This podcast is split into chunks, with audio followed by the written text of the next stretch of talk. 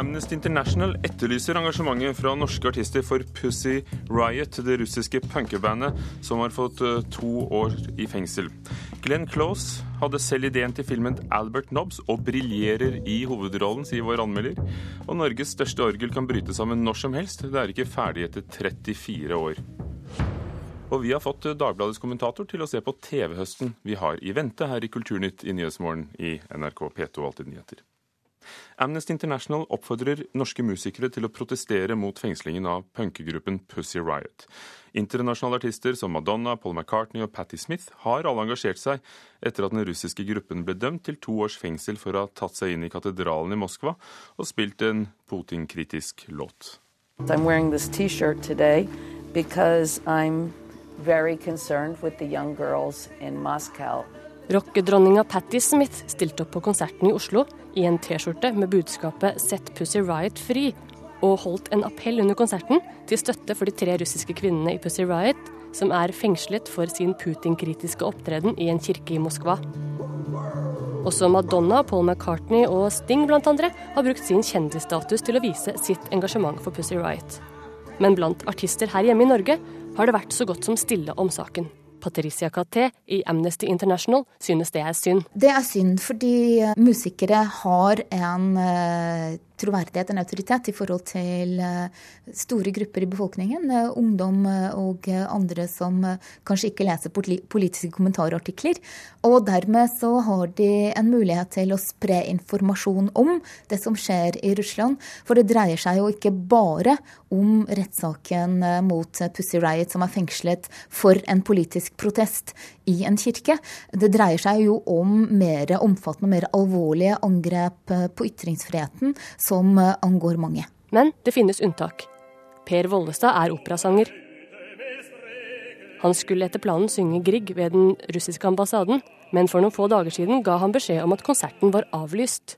Jeg kan jo ikke stille opp der og, og synge, i hvert fall ikke synge Grieg, med tanke på hans uh, kamp for menneskerettigheter og sånne ting. Vollestad tror grunnen til at norske musikere og artister ikke engasjerer seg mer, er at de kan være litt bortskjemte og late. Det er jo lang tradisjon for norske musikere, som for, sikkert for mange andre yrkesgrupper i Norge, at vi er ganske passive.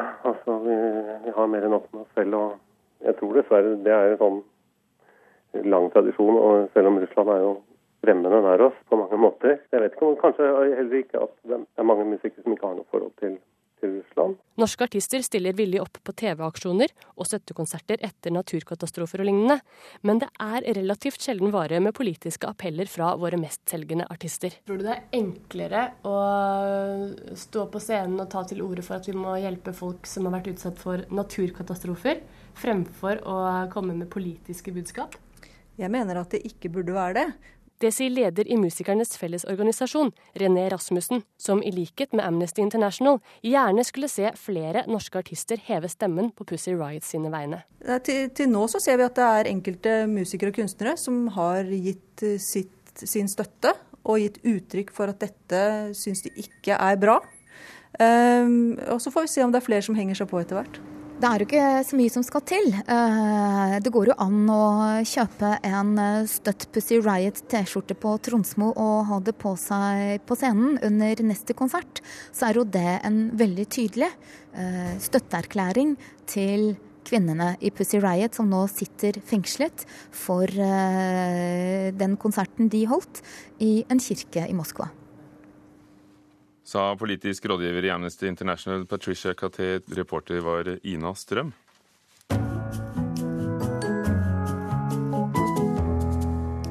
En ny sesong nærmer seg også på den lille skjermen. TV-kanalen har lagt frem høstprogrammene. Sist ute var NRK i går. Og siden Kulturnytt sitter i glasshus, har vi invitert Dagbladets kommentator Andreas Wiese og stiller spørsmålet hvem blir kanalenes viktigste seere denne sesongen? Ja, De viktigste seerne er særlig for de kommersielle kanalene fort vekk de unge seerne. For det er de man får best betalt for eh, av annonsørene. Og kvinnene får man bedre betalt for enn menn. For at de, de, kommersielle kanalene de selger jo ikke TV til deg, egentlig så selger de deg til annonsørene. Jo flere mennesker som ser på, jo mer får de for annonsene. Men NRK er jo også med på den eh, kampen der, ikke sant? Fordi NRK har de eldste seerne i snitt, hvis du ser på dette her, så har de den eldste gruppen. Men nettopp derfor er jo de veldig interessert i å rekruttere nye seere, unge seere, for å få dem inn og få dem til å bli faste seere på sin kanal. Hvordan eh, observerer du dette når du ser kanalene som blir da budt frem som nyheter for sesongen? Nei, eh, du ser altså f.eks. de siste sesongene så har det vært veldig stor vekt på, særlig fra TV Norge, men med disse unge komikerne og de nye eh, komedieprogrammene som skal trekke en ung gruppe seere inn, og som er på en måte den typen Eh, TV-programmer som kan få folk til å sette av litt tid og se på det på det tidspunktet TV sender det. Fordi serier og den type ting fra USA og sånn blir det jo i den samme unge gruppen stadig mer streaming av at de ser det på en eller annen mer eller mindre lovlig uh, løsning over PC-en. Men betyr det at uh, nå som også vi vet at nettjenesten Netflix kommer til Norge, iTunes åpner for norske TV-produksjoner på nettet, og, og TV-kanalene legger ut sine egne, at det fører til mer norsk produksjon? Ja, det gjør nok det. For at de amerikanske seriene ikke sant? I gamle dager så kunne TV 2 være Norges seriemester med de beste seriene. Men de seriene ser du på nå på så mange flere forskjellige plattformer og så på mange flere forskjellige måter at det er vanskelig å trekke folk på dem. Men det vi har i Norge, som amerikanerne ikke kan lage for oss, det er norske programmer med norske aktører, norske stjerner og norske komikere. Det er eh, den konkurranseflaten du ser at blir fylt nå. Da NRK la frem programmet i går, så samlet de alle programlederne sine pent sminket på et eh, stort berg. Og, og bakerst satt uh, Ole Torp, Anette Groth, uh, Erik Vold, alle de som leder nyhetsprogrammene. De som ble presentert, var underholdning og ungdom og barn. Er det typisk for alle kanalene at nyhetene ikke blir trukket frem?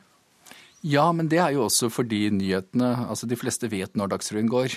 For å si ikke sant, Den har ikke den samme De som ser på det, er en veldig stabil uh, skare og sånt nå. Og hvis du ser på liksom sendeplattformen fra gjennom dagen, så har man jo blitt veldig flink til å promotere de forskjellige nyhetsprogrammene på tvers i sendingene i seg selv. Men når du skal selge nye ting, så må du treffe de nye seerne. Og da er det fort vekk det som er det nye som kan selges. ikke sant? At, at de nye programmene vil alltid få mer oppmerksomhet enn det vi pleier å gjøre. TV Norge fjernet for noen år siden nyhetssendingene sine. TV 2 kuttet ut eh, tabloid. Eh, hvordan står det til med aktualiteten i forhold til underholdningen? Ja, aktualitet eh, Det Foreløpig så går det jo relativt bra for NRK, eller går bra for NRK, og TV Norge har fjernet det, og TV 2 er det fortsetter å være der som en allmennkringkaster som konkluderer med det, dere. Men men det er klart at det virker som det er lettere å trekke seere på underholdning enn nyhets- og aktualitets- og diskusjonsprogrammer. Det er blitt mindre av det og mer fokus på den lette underholdningen på Hva? TV. Er det noen av nyhetene du har sett i år som uh, utmerker seg, som er spennende? Nei, altså en av de store kampene som kommer, er jo kampen for så vidt om lørdagskvelden, ikke sant, hvor, hvor dere har dette, altså NRK har dette konseptet Eh, hvor forskjellige kjendiser skal konkurrere i forskjellige grener og synge alt fra reggae til, til opera, liksom. Stjernekamp. Ja. Stjernekamp, ja. Uh, mot Skal vi danse, som er at de, skal, en rekke kjente mennesker skal gjøre de samme tingene med føttene istedenfor med stemmene. Mm. Så, så, det blir da kampen om hvem som klarer å få grep på lørdagen. For lørdagen er litt i spill, mens f.eks. fredagen sitter godt hos uh, NRK. Og de resten av dagene i uken uh, har TV Norge en ganske hard kamp med TV 2 og TV 3. Fordi TV Norge de siste årene har vokst og fått stadig større seertall. Så de har blitt en mer seriøs konkurrent. Og nå begynner de å kikke litt på TV 2 istedenfor å slåss mot TV 3, for TV 3 ligger litt nede for tiden. Takk skal du ha, Andreas Wiese fra Dagbladet. Klokken nærmer seg kvart over åtte. Du hører på Nyhetsmorgen i NRK P2 Alltid nyheter. Hovedsaken i dag. Flere politifolk blir anmeldt, men færre straffes. Bare fire av ti seksåringer går på bena sine til og fra skolen. Derimot Birken, de som løper og sykler langt, de skal uh, bli til en dukkusåpe som nettopp kommer på TV. Og det hører vi mer om senere her i Kulturnytt. Flere hundre Schibsted-ansatte risikerer å miste jobben i høst. I går offentliggjorde konsernet planer om nedskjæringer på 500 millioner kroner. Tidligere Schibsted-redaktør mener det nå stilles to krav til journalister som vil lykkes i bransjen. Den ene er jo altså det å kunne jobbe på nett, det å kunne ta i bruk levende bilder. Det andre som jeg tror vil skje, er jo at den klassiske allround-journalisten vil bli mindre viktig. Dette er konklusjoner Hans Christian Vadseth trekker etter at det i går ble klart at Schibsted skal spare 500 millioner kroner. Vadseth, som nå er partner i First House, var fram til 2010 ansvarlig redaktør for Fedrelandsvennen i Kristiansand, ei avis som nå må kutte 30 40 stillinger. Nå tror han vi er på vei mot en mediehverdag hvor det trengs en ny type journalist. Man må utvikle spisskompetanse. Få inn fagpersoner, folk som kan økonomi, som virkelig kan å lese regnskap. Eh, kanskje jurister, statsvitere, som kan gi dypere forståelse av sakene de skriver om, enn allround-journalister kan. Så dette tror jeg også kan være et paradigmeskifte, som det heter på fint, i forhold til bakgrunnen til mange journalister? Ja, Det er åpenbart eh, et behov for digital kompetanse. Det sier Bernt Olufsen, tidligere redaktør for VG. I tillegg er det ikke bare journalister som må spesialisere seg. Olufsen mener også aviser må bli tøffere når de velger hva de skal dekke, og hva de velger bort. Det er derfor jeg sier at vi kanskje eh, i mediene må bli flinkere til å prioritere egne saker og bruke mindre ressurser på å gjenfortelle det som andre allerede har fortalt. I Medie-Norge i dag brukes det forferdelig mange årsverk på nettopp det. Og nå forsvinner nok en hel del av disse årsverkene. Mens Aftenposten i sin nyhetssak anslår at de må kvitte seg med 100-150 ansatte, anslår Stavanger Aftenblad at de må si opp 60. Mange av disse er organisert i Norsk Journalistlag, og selv om leder Elin Floberghagen sitter på andre sida av bordet, deler hun de tidligere Skipsted-redaktørene sitt syn på at det nå er to ting som er spesielt viktig for journalister. Digital kompetanse er helt avgjørende. Samtidig så tror jeg at det blir fortsatt behov for spesialistene. De som kan, kan et saksfelt grundig. Altså jeg tror at det alltid er behov for de gode, uh, dyktige journalistene, men det blir hardere og hardere å få seg jobb. Eh, når du kommer til reise, som Aftenposten hadde i avisa si i går, typisk eksempel på stoff som kan, eh, kan deles. Bak slottet sitter den tidligere Federlandsvenn-redaktøren, nå kommunikasjonsrådgiver Hans Christian Vadseth og blar i Aftenposten. Og selv om han ikke har planer om å bruke Skipsted-kutta til å skaffe seg nye medarbeidere, mener han tendensen er klar. Det vi ser, det er jo at uh, strømmen av flinke folk til vår bransje er stadig stigende, også fra mediebransjen. Reporter her var Sondre Bjørdal, og Konkurransetilsynet skal i dag vurdere om det er grunn til å bekymre seg over dominansen Schibsted får over annonsemarkedet, både på papir og nett. Et fuktig orgel ødela sist helg konsertopplevelsen for mange i Oslo konserthus. Tidligere denne uken har vi fortalt at nye konserthuset i Stavanger har ansatt en egen organist og har fått bygd et stort konsertorgel. Men i Oslo er Norges største og mest avanserte orgel fortsatt ikke ferdig, 34 år etter at det ble bygd. Orgelet det er snakk om ble bygget i 1978. Det er Norges største og med den mest avanserte elektronikken. Dessverre gikk orgelbyggeren konkurs før instrumentet var helt ferdig. Siden da har man ikke funnet penger til å avslutte byggeprosessen. Så vidt jeg også har hørt, så ble den gangen konserthuset ble bygd, så ble ikke orgelet helt ferdig. Og det høres jo for meg veldig rart ut. Jeg tenkte jeg kunne fått gjort det ferdig. Ja. Men det mangler vel en par millioner på det. Professor Bjørn Boysen har ansvaret for det omstridte instrumentet. I 20 år har man snakket om å få orgelet i konserthuset i ordentlig stand. Nå kan det bryte sammen når som helst, sier han. Det er klart jeg syns det er et problem at orgelet forfaller, og det har jeg syntes i mange år. Og det har jeg også eh, gjentagende ganger tatt opp med ledelsen, men altså, de finner ikke penger til å gjøre det. Og vi er i en situasjon hvor vi plutselig en dag har et orgel som ikke fungerer. Det hang også bl.a. sammen med at orgelet fikk et for sin tid veldig avansert elektronisk anlegg til å styre det. Men problemet er jo bare at det kan ikke lenger repareres. Så den dagen det bryter sammen, og det går til dels veldig på overtid i forhold til hva vi forventet av levetid, så, så, har ikke Konserthuset et orgel. Det er ikke første gangen Konserthuset i Oslo må tåle kritikk. Enten pga. dårlig akustikk, eller fordi de bruker salene på konferanser i stedet for på konserter. Alt handler om pengemangel, sier konserthusdirektør Knut Vigar Hansen. Ellers så er det å holde ved like et orgel, det er kostbart. Og Oslo konserthus som kultur, kulturinstitusjon må prioritere de få kronene vi har. Og det kan hende at det også har gått utover orgelet, på linje med mange, mange andre ting her i huset.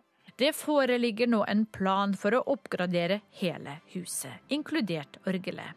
Men de millionene som skal til for å få orgelet i stand, finnes foreløpig ikke.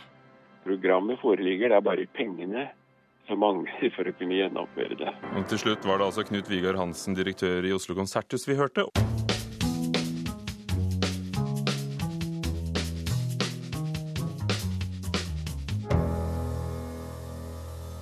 Albert Nobbs heter en av kinopremierene i Norge i morgen. Og det er en fantasirik film om livet på et fint hotell på 1800-tallet, hvor Glenn Close spiller kelneren Albert. Og det var også Glenn Close som selv hadde ideen til filmen, og vår kritiker Einar Gullvåg Staalesen har sett den. Your tea, sir. Your Bushmills. Oh, good man, Nobbs. Let's have a drop, shall we? For an eye-opener. Albert Nobbs er Glenn Close sitt glansnummer. Hun hadde ideen, hun initierte prosjektet. Hun er koprodusent, og det betyr vel at hun har skutt inn penger i filmen. Hun er hovedforfatter av filmmanuset, og hun spiller den uforglemmelige hovedrollen. Hele ensemblet er storartet. Mia Wasikowska er fantastisk. Hun er den yngste i teamet, 23 år og fra Australia. Pauline Collins er fantastisk, hun er engelsk. Antonia Campbell Huge er irsk. Mark Williams er engelsk. James Green er irsk. Brandon Gleeson er irsk. En stor del av hotellstaben som utgjør filmens anselige ensemble, er ukjente og utrente i filmfaget, men de har fått utmerket instruksjon av regissøren Rodrigo Garcia, som er fra Bogotá i Colombia. Filmen er erkeengelsk. Uforfalsket engelsk, så vidt jeg kan se og høre. It's the marmalade. The marmalade, Patrick. You pass the marmalade to Mr. Casey? Always on Tuesdays, if I recall correctly. Vi er på hotell på 1800-tallet. Der skal man være mann for å være overordnet servitør. Det er visst ikke uvanlig at kvinner omstiller seg både i tale og antrekk for å bli kvalifisert. Glenn Close er Albert Nobbs. Hun bærer sin bowlerhatt med verdighet og gjør jobben så skikkelig og korrekt diskré som tjenere i aristokratisk miljø skal gjøre. Hun har bare det problem at det til tider er så trangt i personalboligen at hun må dele rom med en mann. Hun kan jo ikke sove med en kvinne. Doctor. Your morning cuppa, sir. Suffering God, Albert. Så begynner det å bli et problem at hun blir forelsket i den unge piken i staben. Skjønt det kan være uttrykk for omsorg, for Albert Nobbs kan ikke tenke seg at Helen skal gifte seg med sjarlatanen som er i ferd med å erobre hennes hjerte. Albert Nobbs mangler kanskje innsikt i normale sosiale relasjoner. Han, hun, forholder seg til ordninger og regler, men filmen har innsikt. Den formidler i mange indirekte former. Det trenger seg ikke på og frem, men det er mye stoff i den. Det er gode humanistiske bilder. Alt er vakkert. Interiørene og klærne og menneskene som har dem på. Og fargene og komposisjonene av bilder og musikk og stemmer gjør oss godt, forstår vi. Man blir glad av slikt. Det var Reinar Gullvåg Staalesen om eh, Albert Nobbs med Glenn Close, og han eh, snakker om flere av ukens kinopremierer. Kanskje Kon-Tiki også, i Mørkets opplevelser klokken 19.03 den nye sendetiden i dag.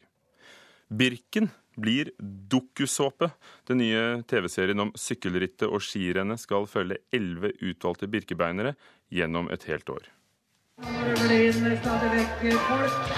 Birken på sykkel, ski og til bens mellom Rena og Lillehammer setter stadig nye deltakerrekorder. Til helga er 18 000 påmeldt til verdens største terrengsykkelritt, som arrangeres for 20. gang.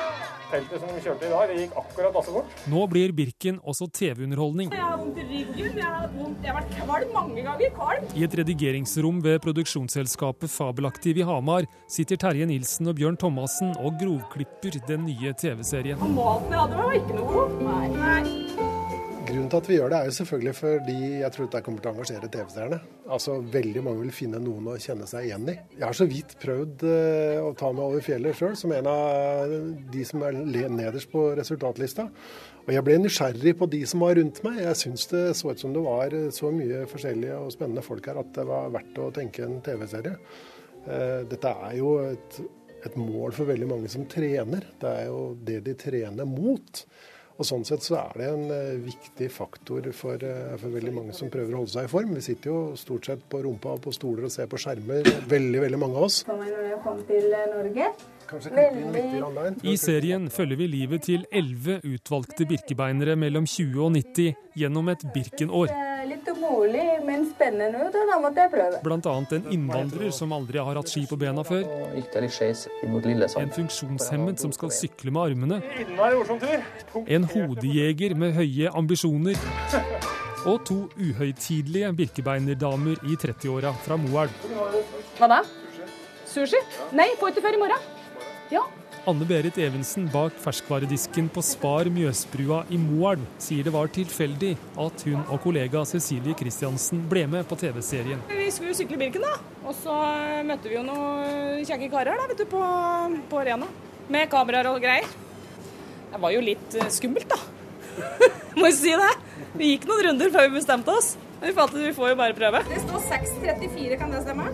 Det er ikke så farlig, egentlig. TV-serien Birken blir på åtte episoder hver på én time. Seerne får være med deltakerne på alt fra jobb til trening. De har vært med oss på jentetur på fjellet. Vannski, som vi for så vidt ikke er så veldig gode på. Det gjorde vi i går. Vi kjemper, vet du. Ja, nå kan jeg debuteres. Det som er Fokus i serien er jo å fortelle historien om en del av disse birkebeinerne. Så vi har valgt ut elleve stykker med helt forskjellige forhistorier og forutsetninger for å komme seg over fjellet. Noen bruker mesteparten av dagen, mens andre setter rekorder og tar merke.